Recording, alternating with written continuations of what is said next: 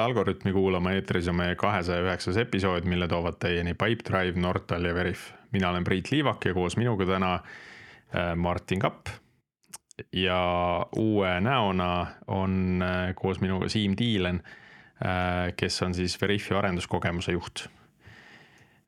ja täna me siis teeme selle episoodi, mida, mida mina olen ise väga kaua oodanud ja ja mida võib-olla meie kuulajad on arvanud, et ei tulegi. Äh, täna räägime siis äh, Kubernetesest ja räägime sellest nii sügavuti, kui, kui me oskame ja suudame.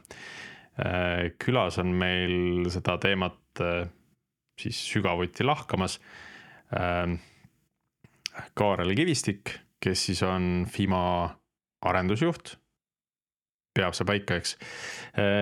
nii, kuna Siim ja Kaarel, äh, teid meie kõik, kõik kuulajad võib-olla veel ei tea, äh, siis, äh, siis võib-olla alustame sellisest tutvustusringist, et Siim, räägi mõne lausega endast, et millega sa tegeled ja mis, mis sinu kogemus on?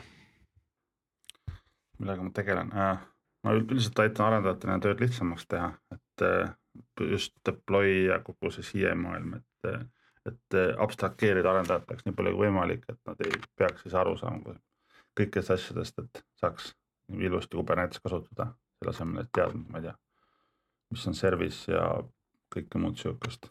ehk siis sinu, sinu töö on igapäevaselt eh, just ümber Kubernetese?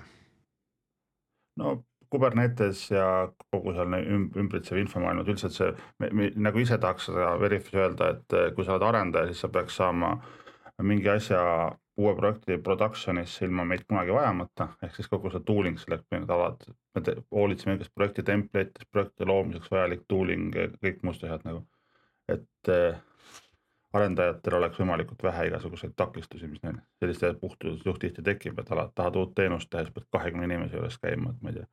et meil üldreegel sihukest asja ei ole, et sa lihtsalt pressid natuke nuppe kuskil ja on valmis kõik mm. -hmm. nii, Kaarel ähm ole hea, räägi ka endast äh, mõne lausega, et millega sina tegeled ja, ja kui palju sina igapäevaselt Kubernetesega kokku puutud mm? -hmm. mul just abikaasa eile mainis, et mul saab järgmine aasta kümme aastat siis äh, töötamist äh, IT-s äh,. aga, aga ma arvan, et pihta hakkas see kõik mingi kakskümmend aastat tagasi. et siin vist, minu arust oli eelmine saade, keegi ütles, et Basicus joonistas, Visual Basicus joonistas maja ja mm, -hmm. ja nii ta hakkas, nii et noh, suht sama, sama lugu. aga nüüd äh, minu praegune töö on äh, Fimas ja pisike ettevõte, pisike arendustiim äh,. aga ma arvan, et me oleme muljetavaldavaid asju korda saatnud ja, ja ilmselt äh, Kubernetesel on nagu suur äh, suur osa selles, et, äh, et selles suhtes mul on huvitav nüüd kuulda seda Veriffi kogemust, et teil on hoopis teistmoodi. Äh, et me oleme ikka seal käsipidi Kuberneteses sees, et äh, teeme oma Helm chart'e ja, ja, ja et kuidas, kuidas kõik asjad sinna Kubernetesesse saavad ja, ja ma arvan, meil on päris palju liikuvaid osi, nii et selles suhtes on nagu huvitav ilmselt võrrelda neid kogemusi. Martin, kuidas sinuga on? Kas oled ka käed kuberneteseks saanud? olen, olen küll, et noh, meie Pipedrive'i Kubernetese teekond hakkas ikkagi kõigepealt baasoskustest ehk siis Dockerist, et meil oli Dockeri peale ehitatud kogu süsteem ja siis siis otsustasime, noh üks ikkagi tuli välja, et Kubernetes on väga hea ja, ja noh, mina olin ka samamoodi oma isiklike projektide jaoks, ma juba katsetasin Kubernetest, aga meil oli siis ka üks, üks kõva mees, kes kõva käpp Dockeri peal ja Kubernetese peal, kes siis äh, tõi selle asja sisse, nii et äh, selles mõttes ma olen, olen täitsa tean, mis on service'id ja mis on need deploy'd ja mis on kõik siuksed asjad, eks ole aga noh, ma ei ole muidugi eksperdi tasemel selles, et no,. väga hea, tean... siis, siis me ja. oleme täpselt, me oleme täpselt selles seltskonnas, kus me saame hästi palju õppida. ja tänase episoodi mõte tegelikult on ju ka see, et me ei räägigi sellest, mis asi Kubernetes on, ega sellest, mis asi on service või deployment, et me sellisesse, seda baastaset üldse ei plaani katta et äh, tänase episoodi mõte on, on pigem selles, et äh, mina olen ise näinud, mina olen ise mõned klastrid püsti pannud, olen ise kõrvalt näinud, kuidas mingid klastrid on püsti pandud. ja sageli esimese hooga see asi tundub hästi lihtne, see tundub nagu, et noh, paned ja püsti ja töötab ja lokaalselt töötab ja siis hakkad mingit testklastrit püsti panema ja siis äh, tekib sul ühel hetkel nagu miljon küsimust. ja siis kaks nädalat hiljem mõtled, et ai, nüüd kõik töötab, aga oleks võinud nagu võib-olla veel midagi teistmoodi teha või et äh, noh eh,, tahaks nagu uuesti ehitada teatud, teatud hetkedel ja, ja ma tahakski just seda teha, et, et meie kuulajad võib-olla Äh, siis äh, pärast meie Kubernetese episoodi või, või siis ka mit, mitut episoodi, äh, kui neid tuleb rohkem. saaksid võib-olla mõned sellised, sellised facepalm kohad nagu vähemaks. et nad saaksid nagu kahe nädala pärast mõelda, et ahaa, et ma kuulsin midagi, ühte head nippi, ma tegin selle ära ja, ja nüüd mul on hea meel, et ma seda tegin, sest et nüüd ma saan nagu kuskil edasi kasvada. ja, ja selleks, et, et me kõigest sellest rääkida saame, siis ma mõtlesin välja, et me võiks, me võiks nagu proovida ühe sellise fiktiivse äh, Kubernetese klastri äh, püsti panna, et kui meil on olemas näiteks äh, Acme Corporation või Acme OÜ, ütleme siis Eesti moodi. ja, ja sellel on oma koolitusplatvorm, mida nad arendavad, äh, kus on viiskümmend mikroteenust, äh, mõned andmebaasid. noh, monitooring ja kõik muud kellad ja viled, et, et kuidas siis selle jaoks üks klaster püsti panna võiks? Kaarel, kust sina pihta hakkaksid? kohe, kohe sinna külma vette. ma arvan, et ma, sa, sa mainisid seda sihukest ahaa hetke, et äh, mul mõned siuksed on olnud ja, ja kaks tuli praegu pähe. et äh, ma arvan, et rohkem namespace'e on parem kui vähem. Äh, et esiteks kõik mingid eraldi liikuvad tükid meie näiteks oleme paigutanud eraldi namespace idesse ja selle üks sihuke hea boonus on see, et kui midagi, midagi ei meeldinud, siis saadad selle namespace'i prügikasti ja kõik, mis seal sees on, ka see kaob. ja, ja teine asi on, on see, et mis, mis on niimoodi ajapikku tulnud, on, on ressursid. ehk siis äh, CPU, mälu, kui palju mingisugune rakendus vajab. et, äh, et alguses see kõik tundub hästi sihuke kauge maailm aga, aga kohe, kui sul on, on nagu vähegi rohkem äh, koormust platvormil ja, ja, ja neid poode ikka järjest koguneb, siis, siis ma ütleks, et see on üks asi, millele tähelepanu pöörata. et kohe algusest saati, sest siis on seda palju lihtsam teha, hakata määrama ressursi äh, request'e ja limiite teenustele. ja, ja ma läheks isegi nii kaugele, et ma ei, ma ei ole selle kasutamiseni veel jõudnud, aga Limit Ranger, mis on põhimõtteliselt siis äh, Kubernetese, ma ei tea, policy. et, et kui sa ei küsi endale CPU-d, siis sulle antakse. ja noh, siis pigem vähem kui rohkem. ja, ja siis eks sa siis timmid ise selle paika endale äh, et see on, see on minu nagu tugev soovitus, sest et me oleme teinud seda tagantjärgi ja siis see on natukene sihuke, et äh, noh, natuke ikka on hirmus võtta mingi production teenus ja nüüd panna talle mingisugune limiit külge, et, äh, et tekib see tunne, et noh, kas see nüüd on piisavalt. et mm -hmm. vot aga enne kui me sinna ressursi limiitide juurde läheme, et see nimeruumide asi on, on ka nii-öelda minu listis, et kuidas noh, kuidas seda jaotust teha, et kõige triviaalsem olekski visata kõik ühte nimeruumi Ähm, aga noh, minu enda kogemus on, on see, et üsna kiiresti tulevad sellised äh, teemad nagu logi agregaator või, või monitooring on ju. et olgu, ma võin selle Prometheuse ka sinnasamasse nimeruumi panna, aga siis äh, mingi hetk on testkeskkonnale lisaks äh, development test või, või koolituskeskkond on ju tahaks neile ka monitooringut, et kas ma nüüd hakkan seda Prometheust nagu igaühe jaoks häälestama, noh pigem ei hakka, on ju et siis noh, kohe tekib see vajadus, et äkki võiks olla mingi nimeruum nende operations asjade jaoks. aga noh, Siim, hüppame korra võib-olla sinu juurde, et mis sinu nagu seisukoht selleks, selles on, et kuidas, et kas pigem rohkem nimeruume või pigem vähem? kas see on niisugune natuke kahtemoodi osa, et kui sul neid palju on, siis ma olen nõus, et see annab rohkem kontrolli klastri üle, sest enamus näiteks juba access kontrollid käivad nimereis pidi. samas suur kogus nimereis tähendab üldiselt seda, et sa pead ka neid haldama. Äh, ja näiteks, ma ei tea, eriti kui sa tahad näiteks väga mingeid granulaalseid access'e teha näiteks arendajatele, siis sul lõpuks võib see halduskontroll juba päris jõhkralt tulla. et äh, ma ei tea, et ma olen näinud nii palju kui vähe, et no Veriffis me läksime, läksime väga väikese koguse nimeruumidega versus mu eelmises kohas oli nagu, meil oli sõna otseses iga rakendusel oma nime et mõlemal on oma plussid ja miinused, et võib-olla kuskil kuldne kesktee kuskil kahe vahel oleks niisugune mõistlikum. Äh, ja kui rääkida neist agregaatoritest ja logajast, neil tavaliselt on nagunii oma namespace, need tulevad mingite Helm chartidena, et see üld, üldreeglina sinu eest on see otsus juba ära tehtud, et nii väga mm -hmm. vaeva ei pea nägema. tahtsin ka muidugi tuua siia, et kui sa mainisid testkeskkondi ja neid, eks ole, et siis noh, sõltuvalt muidugi ettevõtte küpsustasemest, siis tõenäoliselt sa ei pane ka neid ühte klastrisse, eks ole, ehk siis noh, äh, testi ja, ja laivi namespace'id ei ole nagunii samas klastris on ju. Jah, aga no tõenäoliselt just neid testkeskkondi on, on mitu, et sul võibki olla ju Äh, ka mm -hmm. koormustestimise, funktsionaalse testimise jaoks eraldi, võib-olla on turvatestimise mingi sandbox on ju. Äh, arendajad võib-olla tahavad mitut keskkonda püsti, äh, püsti panna, noh, et sa ilmselgelt ei taha neid kõiki hoida nagu ühes nimeruumis, et need on selgelt juba eraldi. aga siis välja mõelda, et kuidas millised need nii-öelda ühiskasutatavad asjad äh, veel kuhugi eraldi lähevad.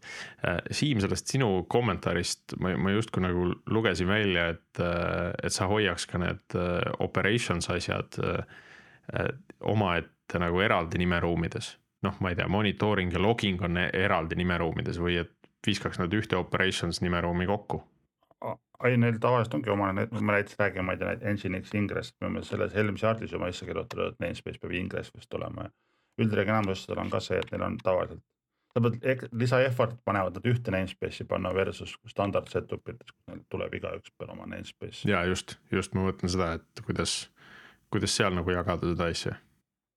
minu soovitus on see, et kui sa alustad mingi Kubernetese klastriga, et siis äh, ürita nii vähe exception'it teha kui võimalik, et eh, kui sa mingi asjaga tuled ja see asi soovitab oma namespace'i, siis mine oma namespace'iga, et ära hakka neid customiseerima, et sa äh, lõikad tõenäoliselt iseendale jalga sellega. ja tegelikult selle suure koguse namespace idega võib-olla, mida ma veel hoiataks, on see, et kui me rääkisime, et sul on test, äh, production, äh, et siis, kui sa neid namespace'i erinevaid teed erinevates klastrites, alamaid ja ühes klastris, mul on test namespace, mul on production namespace ja kui sul on ka palju namespace'e, näiteks asjad omavahel räägivad, siis üldreeglina peaks need namespace'e ka pärast rakendused arvestama, näiteks kui nad omavahel räägivad. mis võib tähendada, et sul on niisugune korralik override ka mingi rakendus, kus alal näiteks, et mul on mingi internal API. ja kui sul on erinevates namespace'is erinevates klastrites sees, sa pead hakkama lõpuks neid urle handle ima, et kust selle kätte saab rakenduste ees. et võib-olla mõtle ka sellised asjad läbi, et et eriti kui sul nagu tahad palju klastreid teha ja nad ei ole kõik siuksed nagu kloonid, kloon, test, kloon production, et siis see see võib sulle suht korraliku probleemi põhjustada pikas plaanis mm. -hmm. selles mõttes see üks namespace on, on niisugune mõnes mõttes hea, et ala, kus võib-olla õnnestubki niimoodi teha, et tahad uut testkeskkonda, teed uue namespace'i, deploy'd ühte kohta kokku, kõik räägivad selle namespace'i sees. ma ilusti töötab, senimaani, kuni sa ei taha võib-olla mingit access control'i või midagi sihukest nagu üle keerata. no ma võin äh, võrdluseks tuua, et Pipedrive'is tegelikult meil on siis võtame production, meil on testkeskkond, aga meil on arenduspilv nii-öelda ka, ehk siis kus igaüks saab provisioneerida omale nii-öelda devbox'i. ja tegelikult seal on täpselt niimoodi, et, et arendus ja siis nagu nii-öelda need ad hoc testimasinad. Nende conf'id on, terve masin on ühes namespace'is, aga nii kui me liigume juba sihuke main testi või production'isse, siis on see pigem grupeeritud stack'ide kaupa. ehk siis loogiliselt seotud äh, teenused on ühes namespace'is. Neid namespace'e ei ole iga mikroteenuse kohta üks, sest see oleks nagu ilmselgelt overkill. et siuksed väiksed noh, loogilised grupid ja neid gruppe ma nüüd peast ei oska öelda, palju neid on, aga noh, paarkümmend võib-olla teenuseid on noh, oluliselt rohkem, eks aga jah, just täpselt, et dev keskkonnas, kui sa võtad devbox'i masina, namespace lendab õhku, siis, siis kui aeg saab täis, vaikselt kuskil mingi automaatika ehitab uue valmis juba. aga, aga ma võin ka öelda, et tõesti selle setup'i tegemine oli ikkagi päris korralik projekt, eraldi meeskond tegeles sellega, et saada üldse see sihukesesse mõnusasse funktsioneerivasse vormi ja seda ilmselt ei ole mõtet ka kohe hakata pressima, et ikkagi oh, hakata ei, nagu inkrementaalselt, äh, kui vajadus tekib, on ju. just, et kui sa alu-, alguses alustad sellega, siis on see, sa kulutad rohkem aega arenduskeskkonna loomisele kui toote tegemisele. ma tooks ühe nüansi välja ka selle osas, et, et kui sul on palju namespace'e siis seal tuleb see noh, Siim juba natuke puudutas seda, noh, üks sihuke pisike valukoht on meil see, et kuna Dockeri image'id istuvad kõik kuskil private registry's, siis kui sul on kümme namespace'i, eh, siis seal igas ühes peab olema kuskil see image pull secret näiteks, et sa saaksid ligi et seal on jällegi, kui sa paned oma noh, ütleme, et sa hoiad mingit, ma ei tea, opsi või, või süsteemi asjad hoiad nagu ühes namespace'is ja siis kõik oma kama hoiad teises namespace'is, siis sul on palju lihtsam, et sa võid seal äh, neid äh, secret eid jagada kõigi nende vahel. aga kui sul on palju erinevaid namespace'e, siis sa pead duubeldama neid äh,. ja, jah, see tundub sihuke võib-olla väike asi, aga aga ühel hetkel muutub nagu peavaluks, et hakkad mõtlema, ma isegi tegin nagu selle liigutuse, et okei okay,, proovime siis näiteks noh, meil on Google Cloud'i managed cluster, et paneme siis Google Cloud'i sinna registry'sse, siis on lihtsam, siis ma ei pea talle eraldi kuskilt mingisuguseid token eid hankima. et äh, isegi, isegi sihuke asi nagu läbi käidud. Tegelikult võib-olla siin on see, et me võtsime kohe selle sügava step'id, mis on klastri sees, aga võib-olla võiks alguses natuke klastri natuke väljaspoolt vaadata, et näiteks tõid selle Kubernetese pull secret'id välja, et jah, et seda saab lahendada secret itena, aga samas äh, näiteks kui sul on infra üle mingi kontroll, sa võid seda ka Kubernetese nõudetes lahendada. et panna sinna, et okei okay,, ma tean, et. et panna kesk, kuidas keskkonna muutujatega panna siis? ei no ütleme näiteks niimoodi, et ütleme, et meil on Docker image, meil on Docker image, sul on private registry's, Kubernetes tahab seda image'it pull ida tal on sellised kaks võimalust, ta saab kas selle audi, kas ütleme, seal on kolm võimalust, esimene võimalus, seal ei ole out'i, et sa võtad kuskilt Docker Hubist. aga teine võimalus on see, et sul on see pull secret või kolmas võimalus on see, et see Kubernetese node ise on ära autentifitseeritud mm -hmm. tsentraalselt. et no näiteks minu meelest AWS-is ongi juba suht niimoodi, et kui sul on äh, need EKS-i klastrid, siis üldreeglina nad on tsentraalselt auditud, et sul ei olegi neid pull secret eid. sul on nagu üks formula vähem nagu, mida teha ja tegelikult sa võid seda igasuguse kohaga teha, et kui sul on, kui sa ise majandad klastrit, siis keegi ei keela sul selle out neist pull secret'i üldse loobuda. et võib-olla midagi lükata nagu infra, isegi mina võib-olla isegi soovitaks seda, et see on vähem asju, mida hallata pärast, et kui nagunii kõigil on access neid pull secret'ide peale mm. -hmm. siis mõte on see, et sa paned juba otse masina peale mingi Docker daemoni autentid ära kuidagi oma õigetes registrites ja no tõenäoliselt sul on ta nagunii jah, mingisugune kogus auto seal all, et või siis äh, cloud'id võivad ise seda juba out ida, et mm. -hmm. aga noh, see on, see on kõik asi, vaata, mille otsa äh, Äh, koperdatakse siis, kui sa hakkad seda kolmandat nimeruumi tegema. et sa teed ühe ära, vaatad, oh, ma pean siia selle token'i panema, siis ah, siia on ka seda vaja. ja siis teed kolmanda no, ja, ja siis on oht, et, et see asi läheb klappama ja ühel hetkel sul on viisteist nimeruumi ja see on igal pool dubleeritud, kuigi sa võiksid hoopis, äh, hoopis lihtsamini selle lahendada ja selle node'i tasemel äh, autentimise teha seal. et, et see on juba, see on juba väga hea info aga Siim, kui sa nüüd äh, korraks sealt nii-öelda klastrist väljapoole hüppasid, äh, siis äh, võib-olla korra mõtleks sellega läbi, et, et mis, et kas on üldse komponente, mis siis sealt klastrist väljapoole jäävad? et noh, mille, millele ma siin viitan, on just sellised nagu HTTP proxy komponendid sageli, mis võimaldavad siis ligipääsu ühe Kubernetese klastrini ähm.. no proxy ja storage, ma arvan, on kaks suuremat asja, mis ilmselt klassid vajavad välist tuge. et äh, siin on jälle see, et ma soovitan see, et kui sul on mingisugune cloud, kes seda toetab, siis kasuta nende asju ära, ürita jalgratast leiutada. et äh, siis sul peaks üldreeglina suht kergesti need probleemid ära lahenema. mm. -hmm. aga kui nüüd ei ole, et noh, siis on ju ka lihtne, et paned ühe Nginx'i klastri ette ja käib küll. nojah, kuigi jah, ma kohe ütleks ära, et minu soovitus on, et, et üldreeglina pange rohkem kui üks, et no ma jälle siukse lihtsa näite, et tõenäoliselt sul on mingisugune firma, firmal on tõenäoliselt mingisugune sisevõrk VPN-iga, et tehke vähemalt kaks load balanced seda ingressi, et üks on võib-olla ainult mingi sisemine siseveebile access ja teine on võib-olla mingi maailmale access, et see lahendab sul juba nii palju igasuguseid autentifikatsiooni ja turvaprobleeme ära, et kui sul vähegi on niisugune võimalus võrgu levelil, siis kindlasti mine seda teed.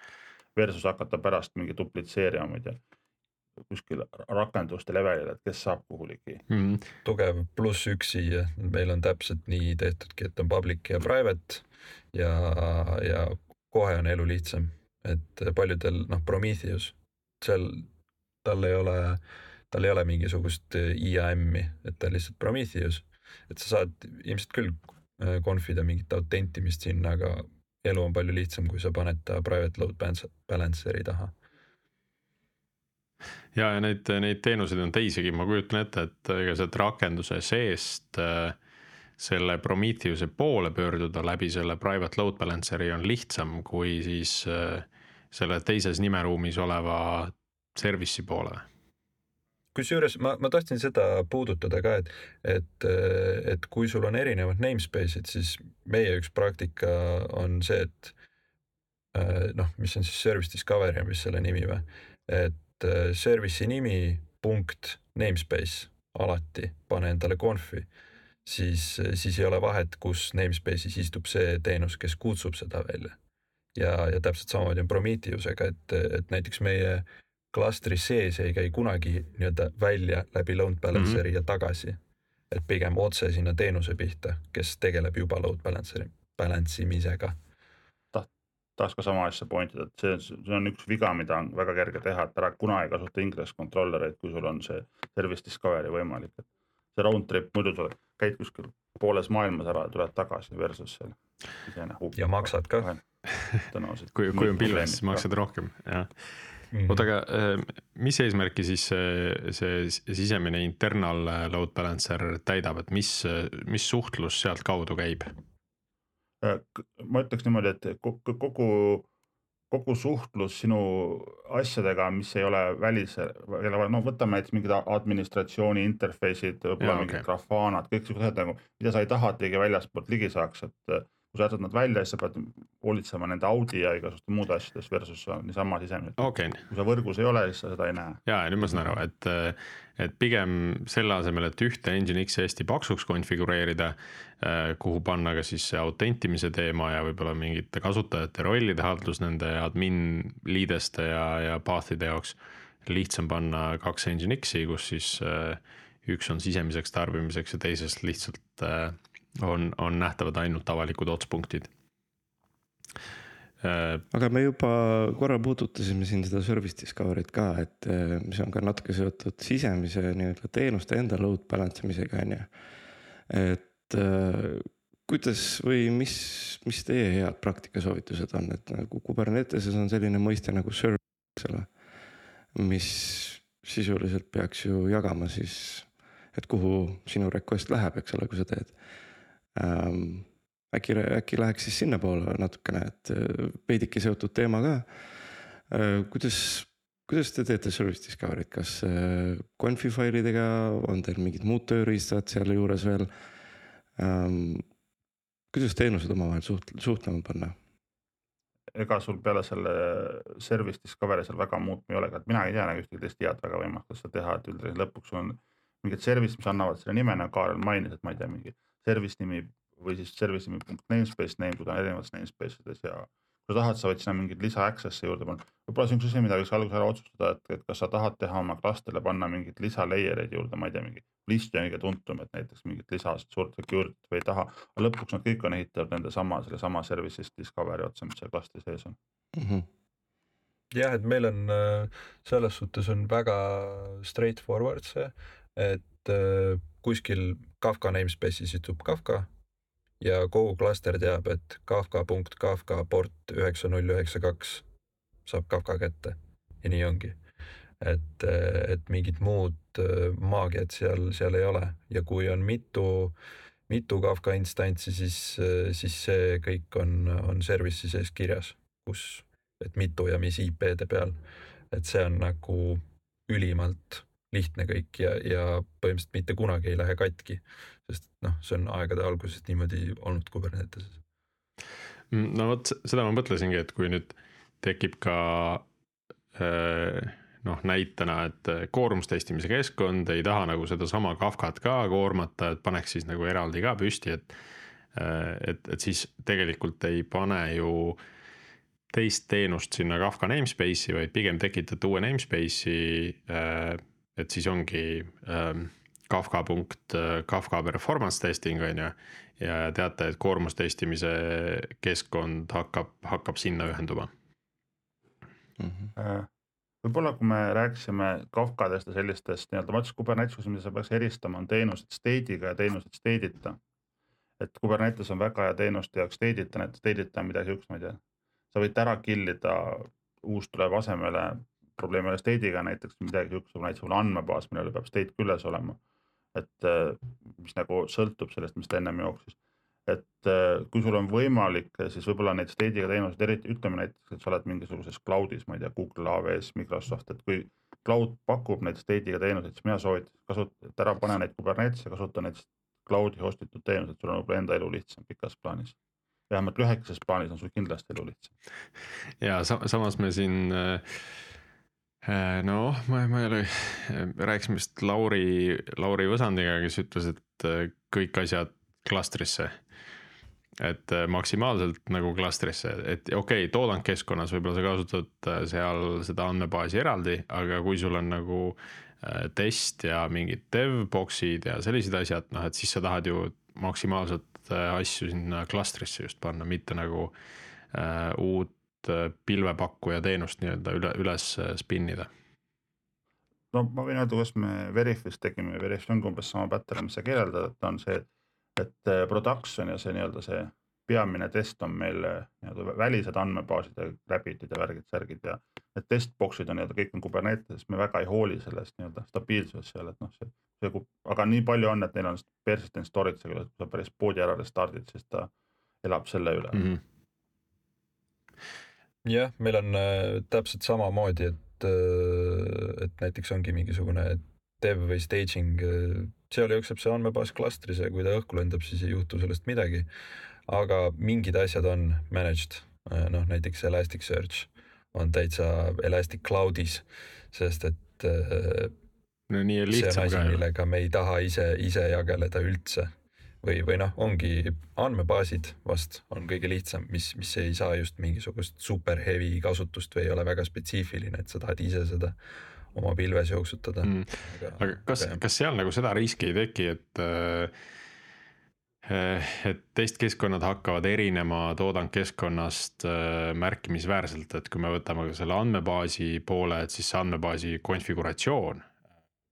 absoluutselt. on juba nagu oluliselt erinev, eks ole no siin võib, siin võib niisugune huvitav asi tekkida, et sul on niisugune pooleaastane projekt, et andmebaasid ja konfid paika ajada. meil oli see, et kui sul on niisugune andmebaas, kus on, mis on replitseeritud, worker'id, värgid, särgid, siis, ta saab Kubernetesse panna, aga meil kulus reaalselt pool aastat, et need confid live'i ja staging testi vahel paika ajada. ja see asi tuleb vist pool tundi ülesse Kubernetesesse, et niisugune tore monstrum, aga see on täiesti võimalik et et, et eh, noh, et, et siin peab nagu hindama seda, seda pingutust, mida on vaja tegelikult siis selle asja äh, Kubernetesesse panemiseks ka versus siis, et selle teenusena tarbimisena, eks äh,. mis siis oleks noh, lisa, lisaväärtus on veel selles, et see on toodangkeskkonnale hoopis sarnasem, on ju.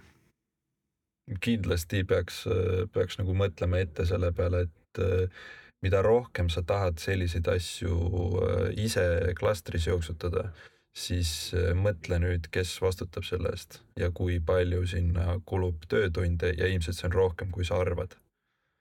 on, on meie kogemus. Mm..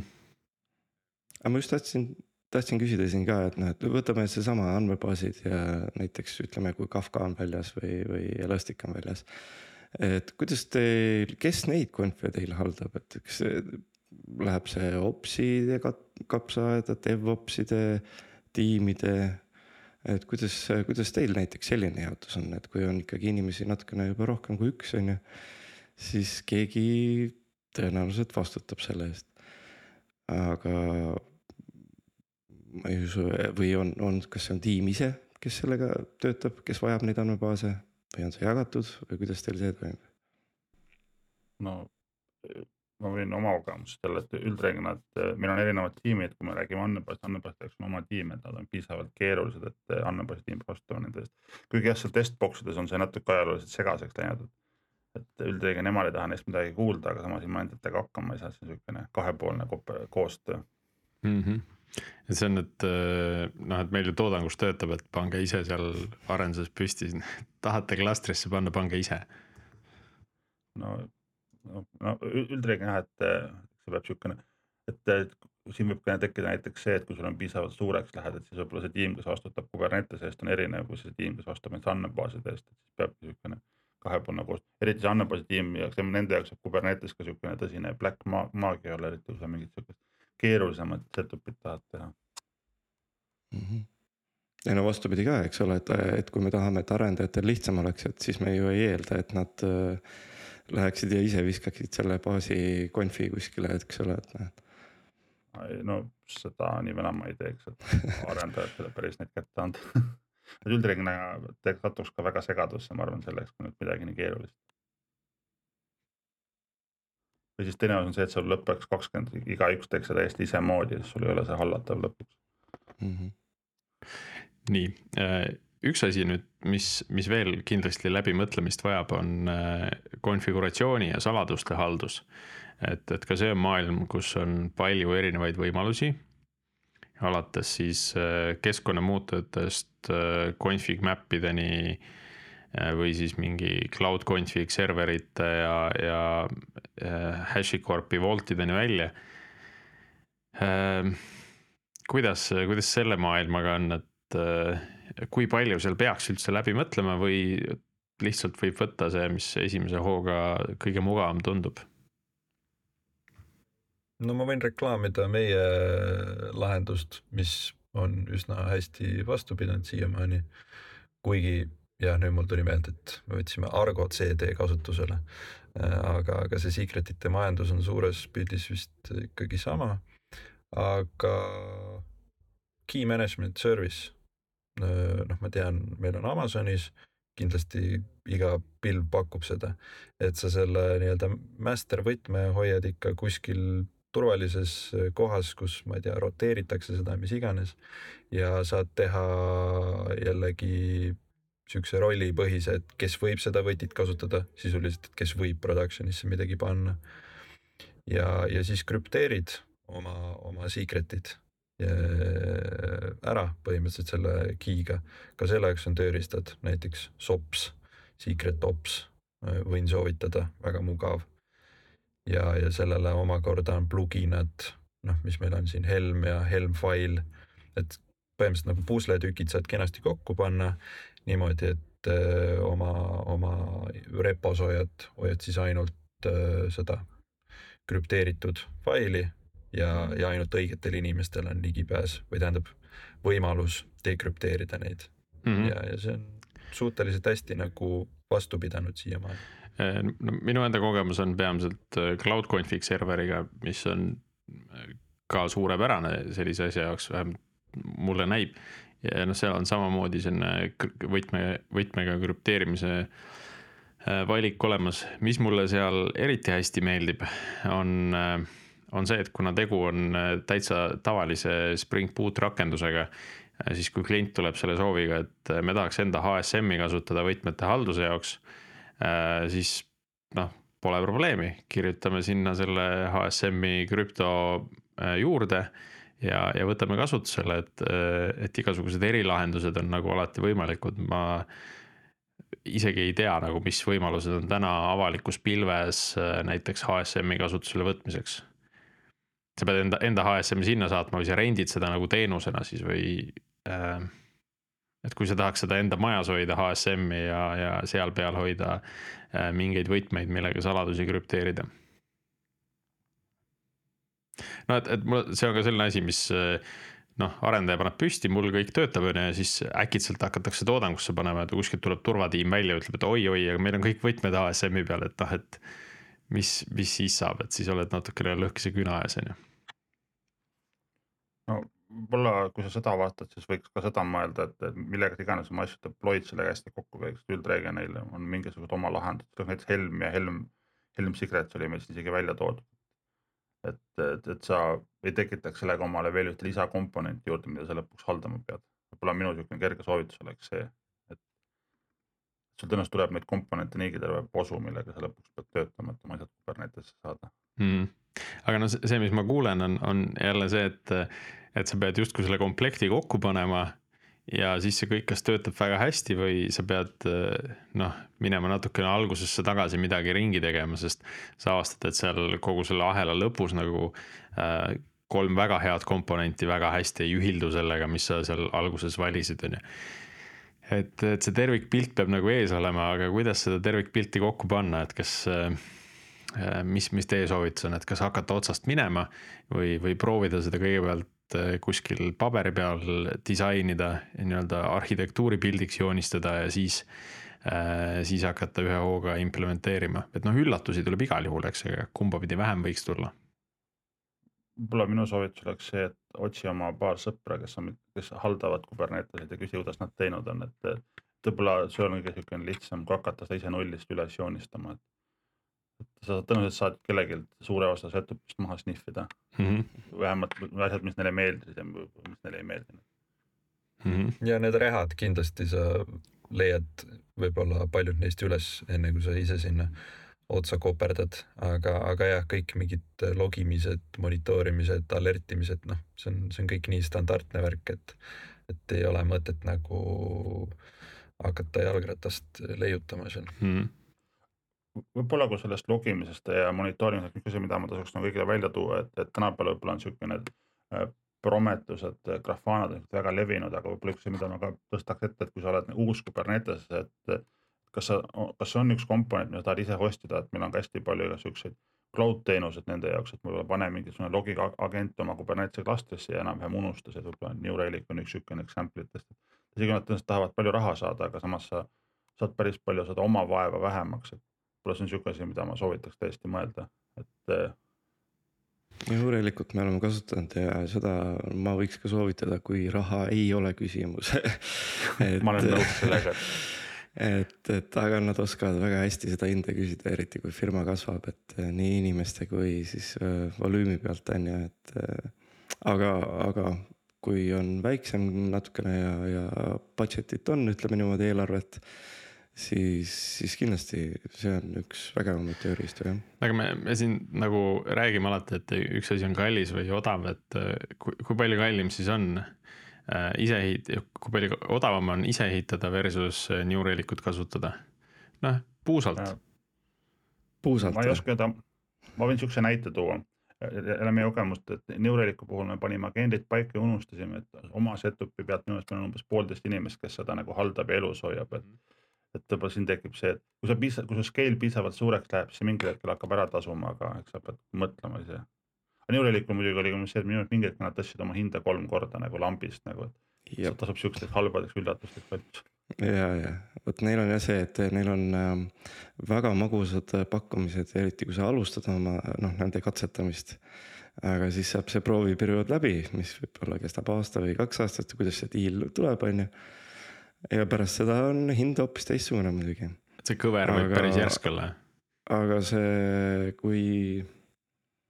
no ma nüüd tegelikult nii täpselt ei tea, me ei kasutanud isegi, meil ei olnud sada protsenti üks hetk nagu ei olnud kõik New Relicu peal, sellepärast et juba siis oleks me läinud üle limiitide ja oleks asi väga kalliks läinud, aga no ma tahaks öelda, et ikkagi vähemalt üks järk äh, rahalist võitu, kui mitte rohkem. Mm..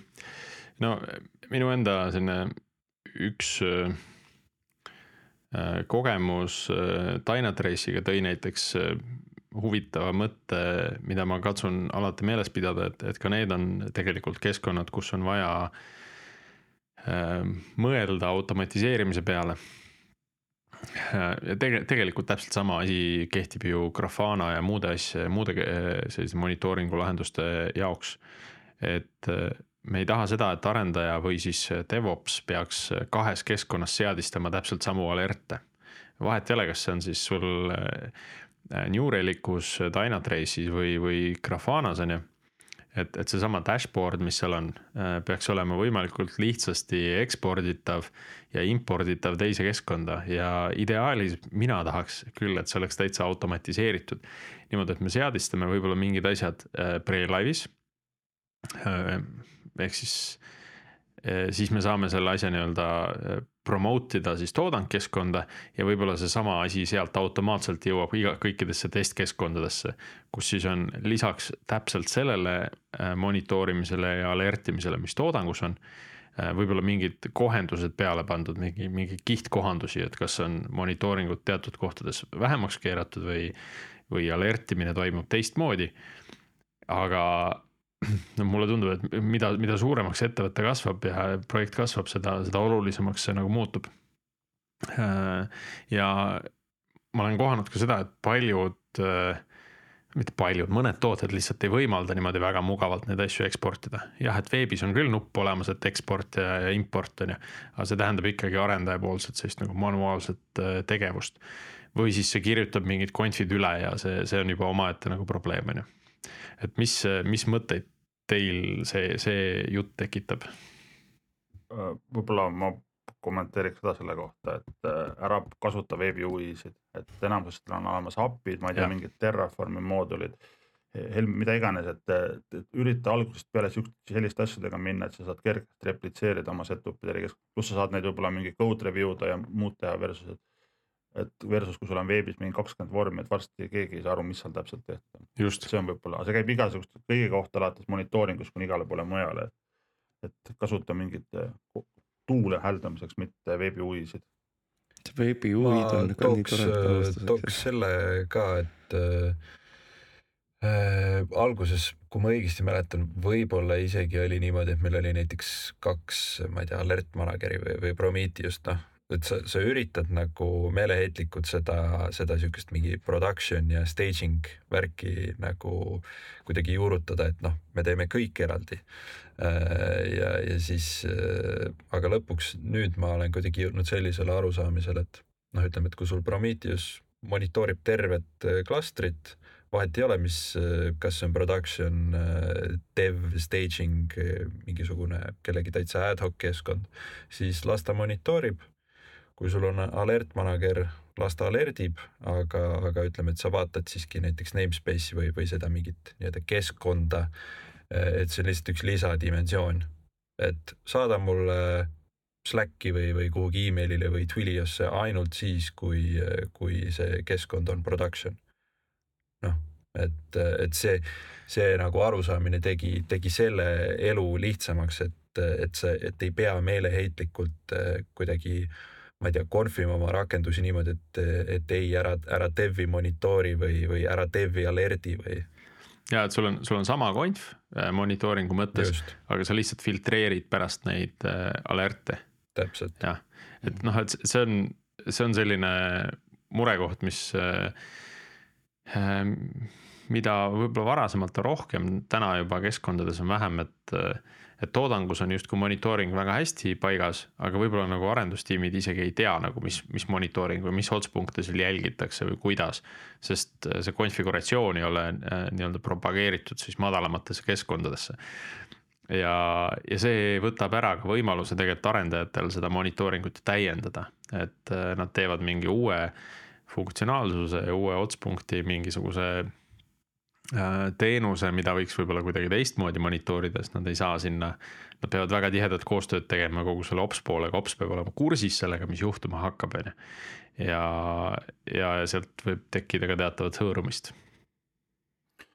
siin on ilmselt ka see, et sa võiks kõiki asju propageerida alt üles, kaasa arvatud monitooringu ruule, et lõpuks sa tahad nagunii, ma ei tea isegi testida, kas, kas mu monitooring töötab, kas ma saan oma Kubernetes uuendada, et, et, et kui sul on samad setup'id, siis sa võid selle testis läbi proovida ja see on ka võib-olla midagi alguses sa võiks mõelda, et, et okei okay,, et ma panen oma asjad Kubernetesesse, kuidas ma seda Kubernetese klastrit uuendan ohutult, näiteks võib-olla mingi aasta pärast, et siis võiks ka juba näiteks kaks klastrit olla, mida saad nagu teistes asjad läbi proovida.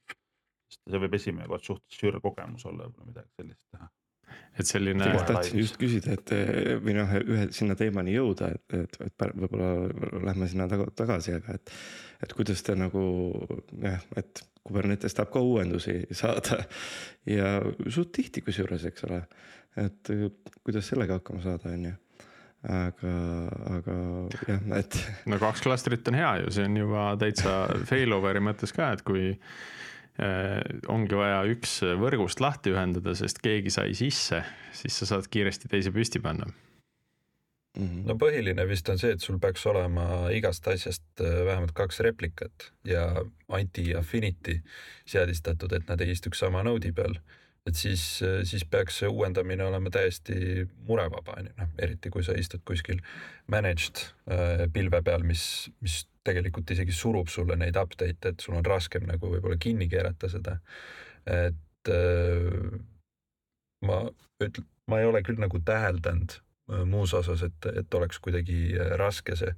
noh, muidugi sa pead vaatama, et sa ei kasutaks äh, deprecated API-sid. no et, et siis sa hakkad lihtsalt node'i kaupa uuendama, sa mõtled on ju, et kui sul ongi see anti-affinity, sul on kõik poodid on erinevate node'ide peal, sa uuendad ühe node'i kaupa neid ja nad -hmm. tulevad järjest üles, liituvad uuesti sellesama klastriga okei okay., noh, mulle meeldib see Siimu kahe klastri mõte ka, sest see, see annab nagu teatud täiendava sellise turvakihi, et kui sul on uut, uut klastrit püsti vaja panna, siis sul on see protsess ka testitud. vaja ka uuendust testitud, näiteks juba need deprecate API-d, need tulevad üldreeglina välja testklastrist uuendatud. kuigi Kubernetes võib seda hide ida, sellepärast et ma olen ise paar korda avastanud, et kui sa näiteks uuendad eh, Kubernetese versioonis, Kubernetes üldreeglina uuenduse hetkel käib ja patch ib ära need oma deprecated API-d.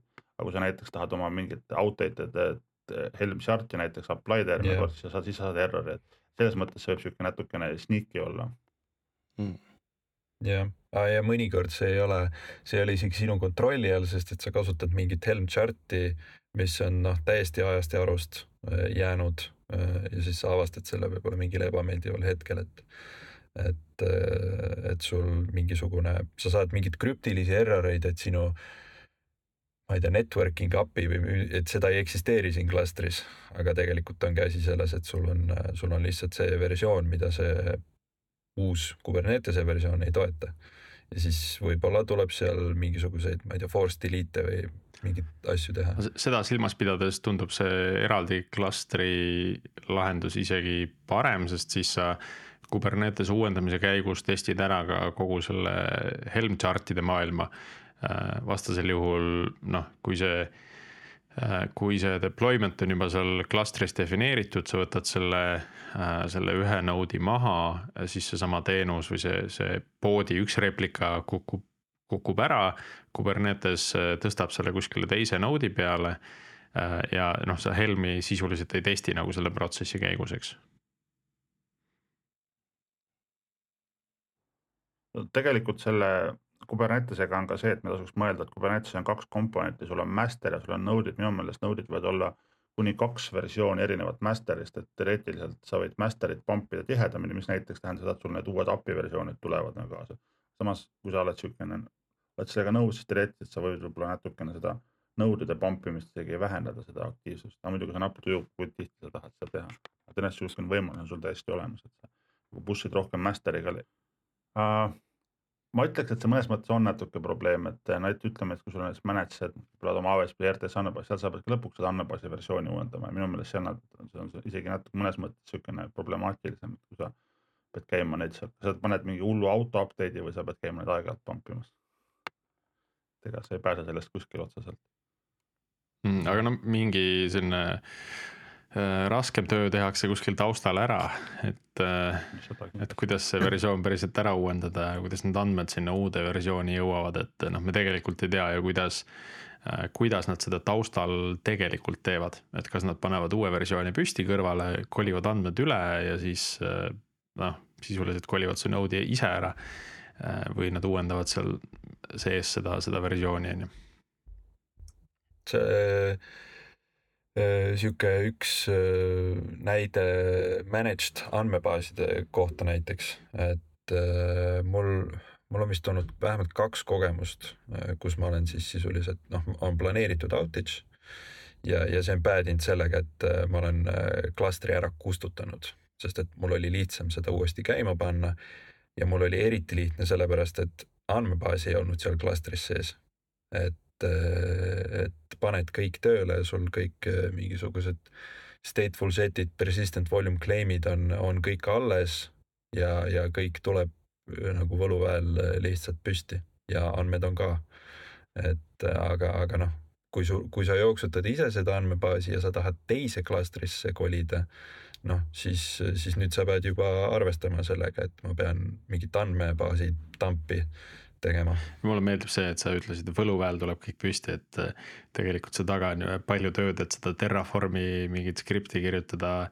et kõik, kõik see ära defineerida deklaratiivselt, milline see keskkond olema peab, on ju, et see. aga kui see hetk on käes, siis see tunne on, tunne on väga magus. ja, ja, ja ehk siis see, see võtmekoht või mõttetera siin võiks olla see, et, et peab testima enda klastri äh, taasloomist või see võimekus peab olema olemas, sest see vajadus võib tulla äh, erinevatest kohtadest, et äh, millal seda päriselt mhm. kasutada, kas siis kas siis Kubernetese uuendamise jaoks või siis mingil, mingil muul põhjusel.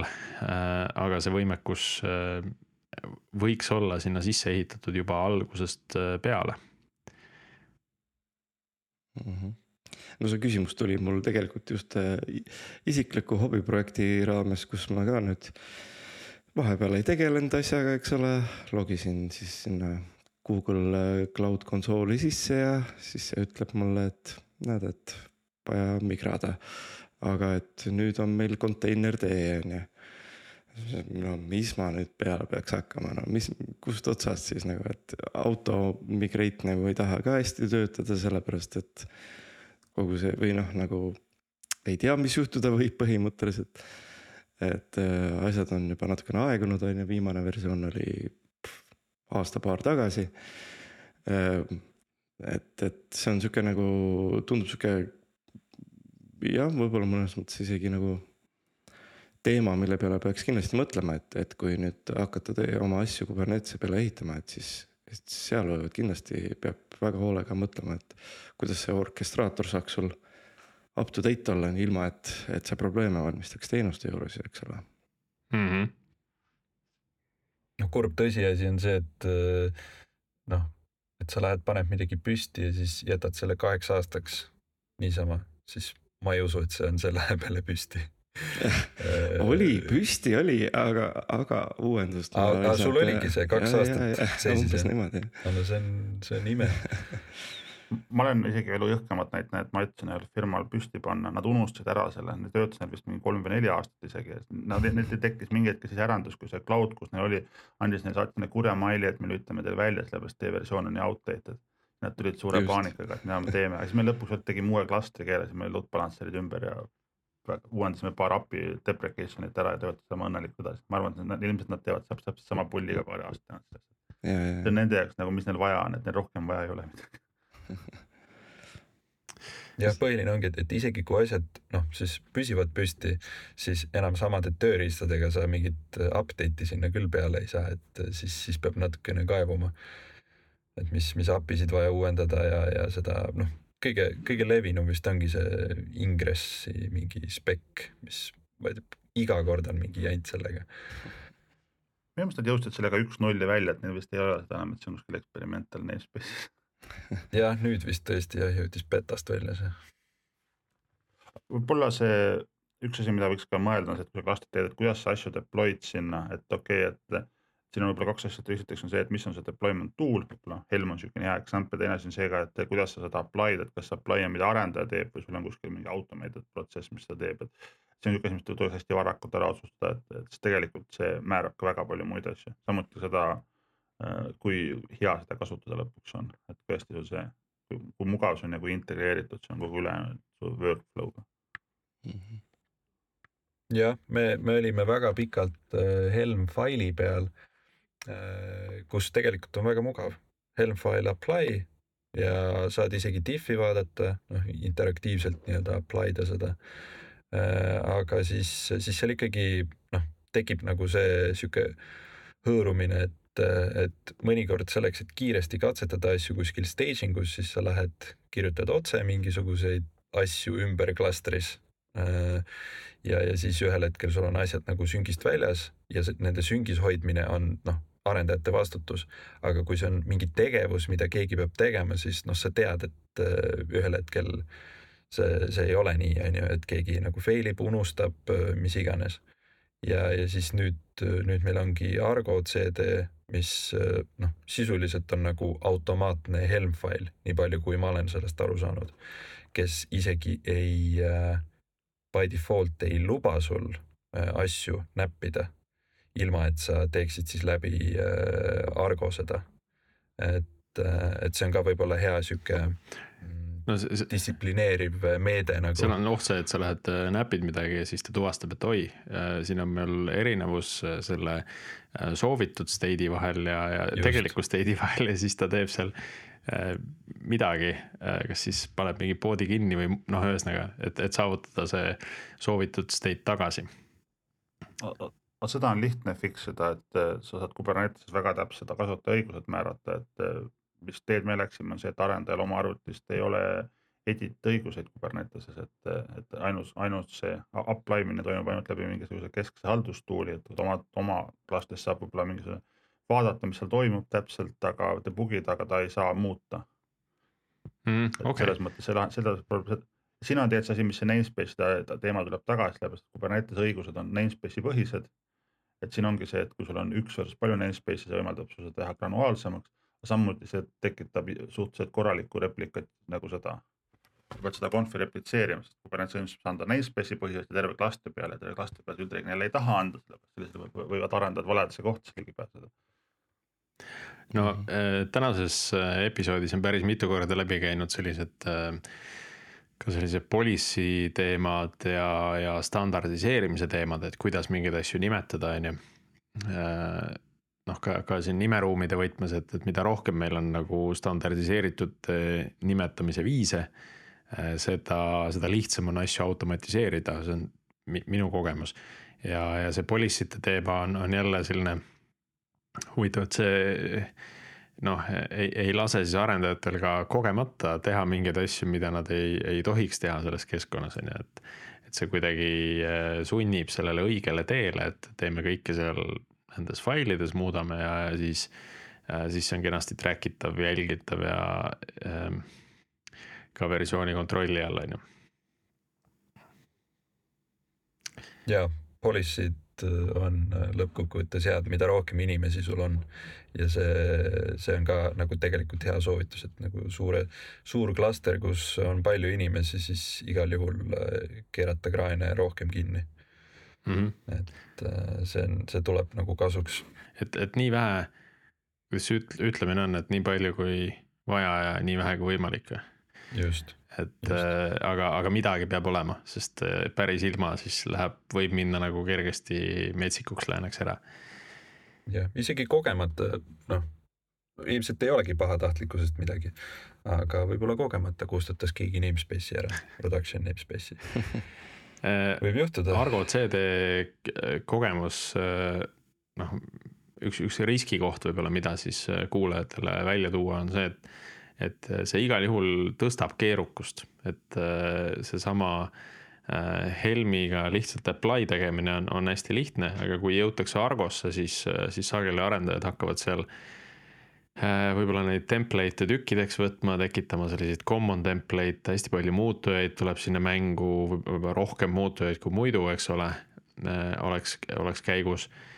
Ja, ja see tekitab teatava keerukuse kogu selle arendustiimile, mis tähendab, et see arendustiim peab hästi ka olema äh, siis koolitatud selleks, et, et kuidas see Argo CD töötab ja mis seal taustal siis toimub, et kuidas, kuidas see maagia seal, seal tekib. Äh, sest ilma selleta siis, äh, siis võibki juhtuda see, et see üks inimene, kes selle püsti pani või noh, mõned inimesed, kes selle püsti panid.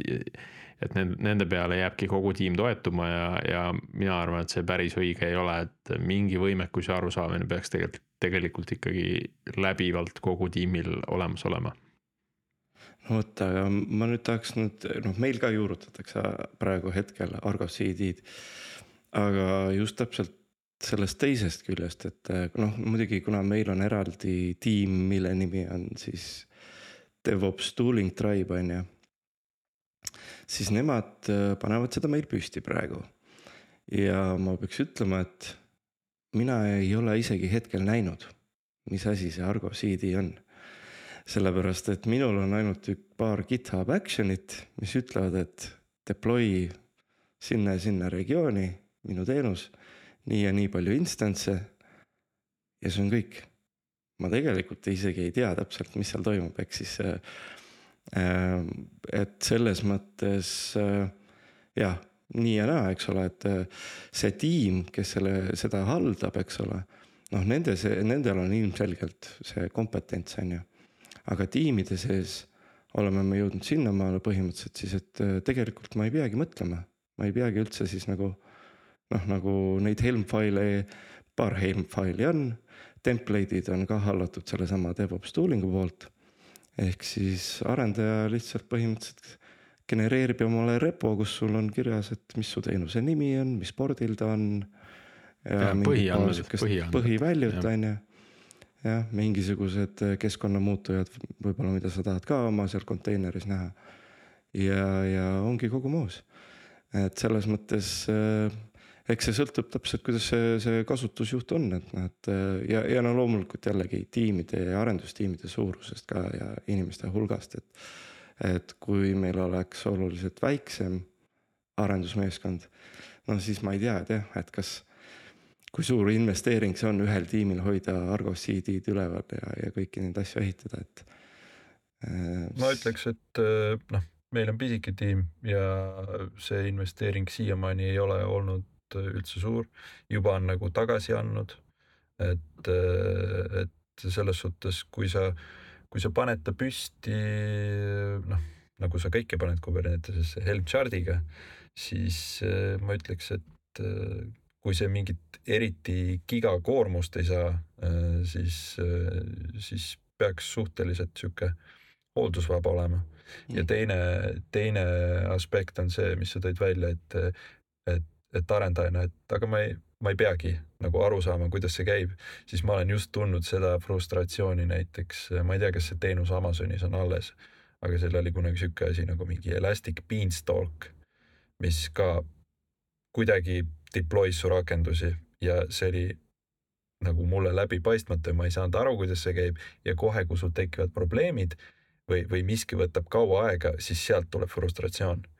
Et, et kuidas ma selle nagu tööle saan ja, ja see on nagu Kubernetese puhul minu arust vast kõige ägedam, et, et tegelikult õigete tööriistadega K9S ma soovitan, kui keegi ei tea, siis äh, vaadata seda, kuidas sul rakendused mis äh, faasis nad on või kuidas nad uuendavad ennast või, või miks nad käima ei lähe, siis see on kõik nagu super, super meeldiv ja detailne mm. -hmm. et, äh, et, et ma, ma nagu reklaamiks rohkem seda, et arendajad võiksid nagu see nii-öelda Kubernetese one on one ikka võiks nagu olemas olla ja kasvõi read õigused äh, nendele põhi workload idele ja selles mõttes, et jah, peaks ka täpsustama, et, et okei okay,, et meie arendus, arendajad, ütleme niimoodi, et ei puutu kokku selle Argo CD osaga. aga põhimõtteliselt kõikides keskkondades on ikkagi, on Kubernetes dashboard'id, mida sa võid minna vaatama, et mida see pood sul või mida su teenus täpselt teeb. sa ei saa midagi muuta seal, aga vähemalt sa näed ja, ja kui, kui ongi midagi, et miks, miks on, ütleme see back of crash loop äh, käimas, eks ole, et siis sa saad ikkagi teada, et noh, et mis, mis värk sul seal toimub, on ju. Et äh, mõnikord on nagu see, et see logi ei pruugi jõuda ka sinna agregeeritud logi keskkonda, on ju, et võib-olla sa näed kasvõi midagi seal. oma selle konteineri kuskilt seest või noh, filtreerida kindlasti saab ka. kõik on tehtav, aga kusjuures sellest, mis sa just praegu rääkisid, tuli veel üks number välja, mida ma hoiataks paljudele, see on see replikas number, et, et, et, et me rääkisime, et ressurssidega jälgima, tegelikult neid replika numbreid peaks ka väga hoolikalt jälgima. Need võivad isegi olla mõnes mõttes siuksed problemaatilisemad numbrid, et okei okay,, ressursid sul on täpselt samad test ja live. aga samas repliknumber on erinevad ja näiteks võib-olla tee siukene lihtne matemaatika, ütleme, sul on viiskümmend rakendust, sul on kaks keskkonda, sul on live ja test. tähendab seda, et sul on lõpuks sada numbrit, mida haldama pead. pole, paned üks-kaks laivi juurde, sul on lõpuks mingi mitusada numbrit jälgima pead tahad laivi näiteks, laivil load kaks korda suureneb, kas sa lähed viitekümmet numbrit uuendama või sa üritad välja mõelda mingi meetodi, kuidas seda automatiseerida. Et see on sihuke asi, mida tasuks ka hästi varakult mm -hmm. mõelda, eriti kui sul neid nii palju on, et see võib korralikult käest ära minna. jah, ilmselt horisontal ja vertikal need äh, autoscalerid tasuks nagu ära proovida, kui on oodata suurt koormust, et kuidas nad käituvad. täiesti nõus Vau, aga no näiteks siin tulevadki mängu need äh, Argo CD äh, erinevad siis äh, kihid ka, et, et kas sa siis kuskil globaalses template'is ütled ära, et mul on toodangus kahe replika asemel on, on neli kõiki asju, välja arvatud nendel teenustel, kus ma olen eraldi öelnud, et, et sellel moodulil ma tahan, et oleks nii mitu replikat on ju. Need tuleb eraldi üle vaadata siis, aga noh jällegi, et see kiht teeb selle palju mugavamaks, et sa ei pea viitekümmet äh, seda replika numbrit minema uuendama ja suurendama. aga äh, see, see tekitab nagu mingisuguse abstraktsiooni sinna vahele, mida, millest sa pead aru saama, kui sa hakkad seda numbrit äh, suurendama.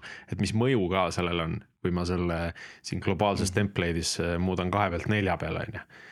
et see, et see uuendab kõikidele ära, mitte et mul on võib-olla ainult ühte vaja, on ju no ma võin kiirelt veel viimase selle, et üks tipp võib-olla, mis meil tehti nende Helm, Helm template idega nüüd.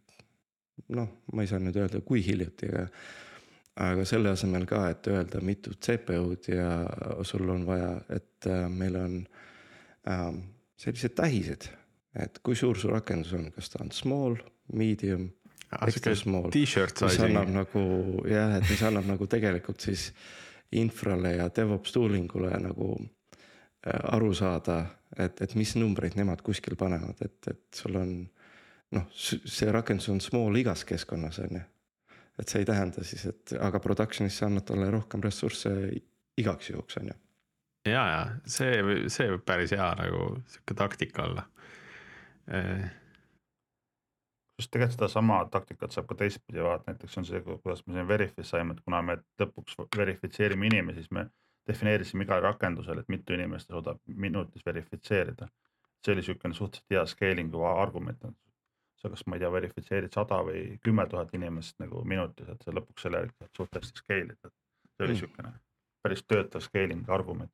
see on palju custom lahendust, aga võib-olla midagi pikas plaanis võib igaüks mõelda mm. -hmm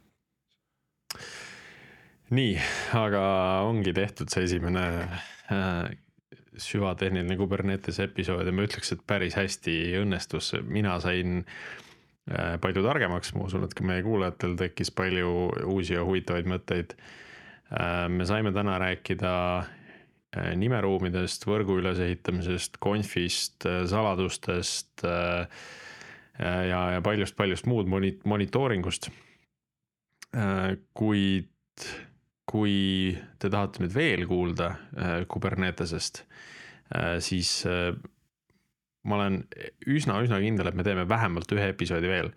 aga kui, kui see teema nagu väga-väga kõnetab, siis võite saata meile igasuguseid küsimusi ja ideid selle teema kohta. millest täpsemalt te tahaksite veel kuulda noh, näiteks turvalisusest me rääkisime ainult põgusalt täna Äh, kogu sellest Verbakist äh, mitte väga palju, et sellest saaks kindlasti veel palju-palju põhjalikumalt rääkida.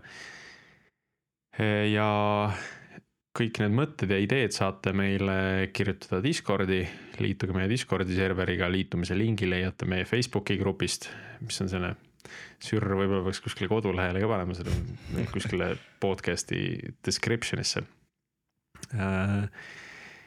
või siis kirjutage tõesti meie Facebooki gruppi äh, või siis äh, saatke meile otse meili peale podcast.algorütm.ee. ja äh, millal see järgmine episood tuleb, ma tahaks loota, et, et see järgmine episood on kohe järgmine. sellest käesolevast. Aga ma päris pead ei anna, võib-olla me teeme midagi, midagi muud vahele ja siis võtame, võtame taas Kubernetese hambusse, aga seniks. väike hing, hingetõmbepaus ka siin. ja hingetõmbepaus, just. aga seniks jääme taas kuulmiseni järgmisel nädalal.